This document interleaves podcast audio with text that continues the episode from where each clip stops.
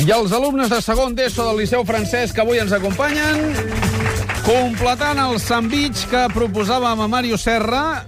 Som a la llesca de sota. A la llesca de diguem, sota. Una mica, no? Hem fet superanimarios, Sí. cuiners, Sí.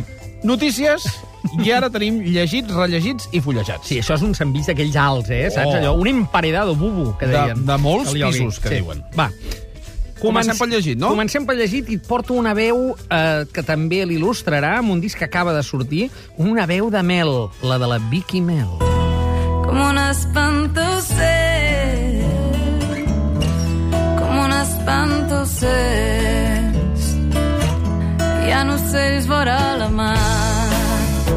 M'agrada molt, eh? Rodejant Sona molt, molt bé, molt bé. lluny de la ciutat i l'arrosseguen milles creuant l'oceà.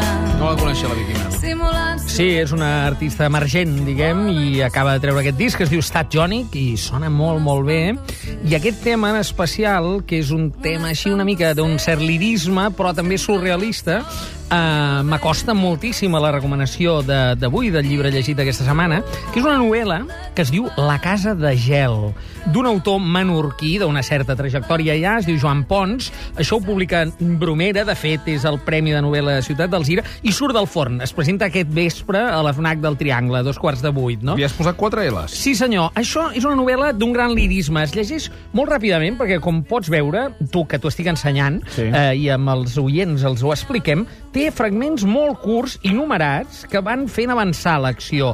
Aquesta acció és triple. D'una banda, és una història d'amor entre l'home més lleig del món, que s'autodefineix així, i una noia eh, que és peixatera i és preciosa, llevat que té un lleu defecte dels peus grossos. No? Aleshores, en aquesta història d'amor eh, molt, molt directa, molt lírica, s'hi afegeix una memòria històrica d'un fet que a la Guerra Civil va succeir a Menorca i que aquest home més lleig del món, que és periodista, vol esbrinar perquè té a veure amb la seva família. I això ens va estirant. I després, eh, com que ho vol esbrinar, vol escriure un llibre sobre això, no? de manera que també hi ha com una mica de metaliteratura. En definitiva, acabes amb una novel·la que mm, és un relat que sembla que no t'estigui dient res i et va atrapant molt i sobretot té dues imatges molt poderoses. La primera, aquesta casa de gel que porta el títol, que és una història eh, que ell treu de la tradició russa d'una parella d'enamorats que el tsar, per fotre'ls, els va eh, enviar a una casa de gel, amb la qual cosa és obvi que la seva supervivència no era molt garantida, i després una altra imatge molt, molt poderosa, que és que a Menorca, a dins dels dipòsits d'aigua, hi posen anguiles per tenir l'aigua neta.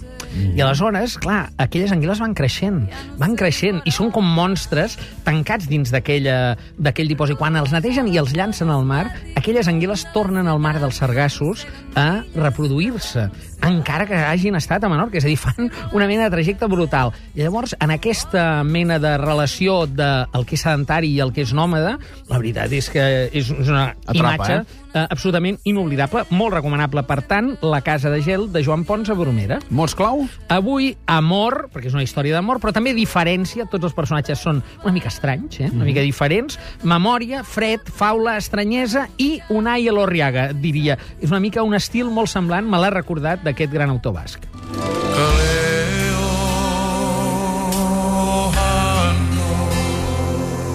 o kaleo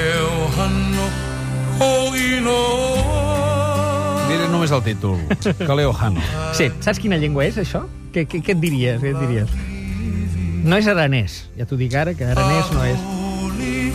i que És molt estranya, eh? No crec que l'hagi sentida parlar mai, perquè és, no. és, és molt poc parlar. És hawaià. És de les poques coses que es manté del hawaià les cançons, i concretament d'aquest autor que es diu Israel Kamakawiwole, i que era conegut com a IZ, que era molt, molt, molt més ràpid d'entendre, no? Això t'ho he portat, Kaleoano, que és un, un tema hawaià, per il·lustrar un clàssic que ens hem de congratular, que s'acabi de traduir al català, En els mars del sud, de Robert Louis Stevenson, l'autor de l'Illa de Tresor, diguem, no? Això acaba de sortir a Edicions del Salobre, una editorial mallorquina, en traducció de l'anglès al català de la Dolors Udina. Quatre L's, també. Sí, senyor. És un clàssic, és el llibre de viatges que escriu l'autor després d'haver escrit ja l'Illa del Tresor, la novel·la, resulta que ell té molts problemes, diguem, respiratoris i li diuen que li convé canviar de clima i agafa i s'embarca des de San Francisco, mm, 1888, crec que estem parlant, i s'embarca cap a Hawaii. I a partir d'aquí ell es queda a viure, de fet, fins a la seva mort, que va morir en 44 anys, el 1894, molt poc temps després, i es queda a viure sempre als mars del sud, no? Uh -huh. I aleshores ell què fa? Home, descriure, i té gràcia com descriu la realitat d'unes senyores que van amb els pits en l'aire i ballant el hula-hula tot el dia, mm. i eh, amb aquelles illes tan diferents i cada cop més colonitzades per les malalties de l'home blanc, no només físiques, sinó també mentals, no? És a dir, que els hi canvien la, la, socia la, la, la seva cultura. Per tant, Stevenson aquí fa de cronista i és on veus que la ploma del que va ser el gran autor de l'Illa del Tresor és molt esmolada i val, val molt la pena de llegir-s'ho també. Mots clau. Viatge, xoc, xoc cultural en aquest cas, pacífic, perquè és l'escenari, descobriment i lluminositat.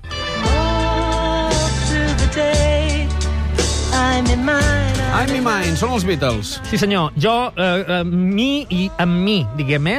I'm in mine. El Sabina va fer Jo mime conmigo. Jo mime conmigo. És, és això. Una mica... Doncs mira, això és jo, sol, Sí. sí. otro libro egocéntrico de Juan José eh, Suárez. Sáez, Sáez. He posat Suárez aquí el guió, és el Vindrà Sáez. aviat al, al programa, jo em declaro fan total del Sí, Sáez. jo també. Jo també. És un il·lustrador molt fresc. Sí. Eh, en fi, ja viviendo del cuento, el arte, conversaciones imaginarias con mi madre, etc. I autor de la sèrie d'animació. Arròs Cubat, el 33, no? Clar, aquí recull, fa una mica de trampa perquè recull alguns materials que ja havíem vist, però en fa de nous, i, per exemple, clar, només per posar-ne un exemple, i una M, i aquesta M és d'un color groc sobre fons vermell, que jo no sé... És la de McDonald's. Jo diria que sí, però també recorda una mica la de les muntanyes de Montserrat, eh? Saps el logo de Montserrat? Però no, jo crec que pel, pel color Sí. seria, seria, seria més aviat McDonald's, no? Tu Sí. creus? Sí, molt bé. Perquè hi ha una... un...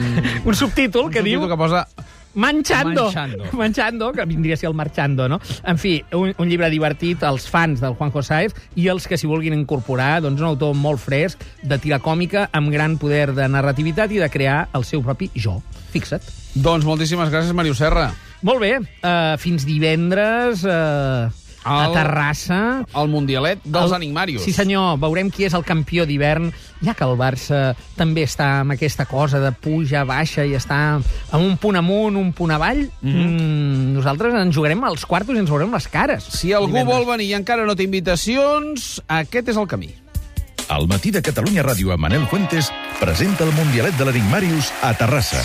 Aquest divendres podeu venir de públic a aquesta Lliga dels Enigmes en un programa especial des de l'Auditori del Centre Cultural de Caixa Terrassa. Veniu a jugar amb Màrius Serra. Ens veurem les de cinc lletres. Mario Serra, bon dia. Bon dia i bona hora, Manel. Ah, bon Animals 100 primers classificats de la Lliga dels Enigmarius i a veure tot el programa en directe. Ja podeu reservar la vostra localitat al web catradio.cat o bé al telèfon 902 014 000. Porteu les neurones carregades, Aquest divendres us esperem a la final del Mundialet de l'Enigmarius. que ens veurem les cares. Amb el suport de Caixa Terrassa. Estem per tu.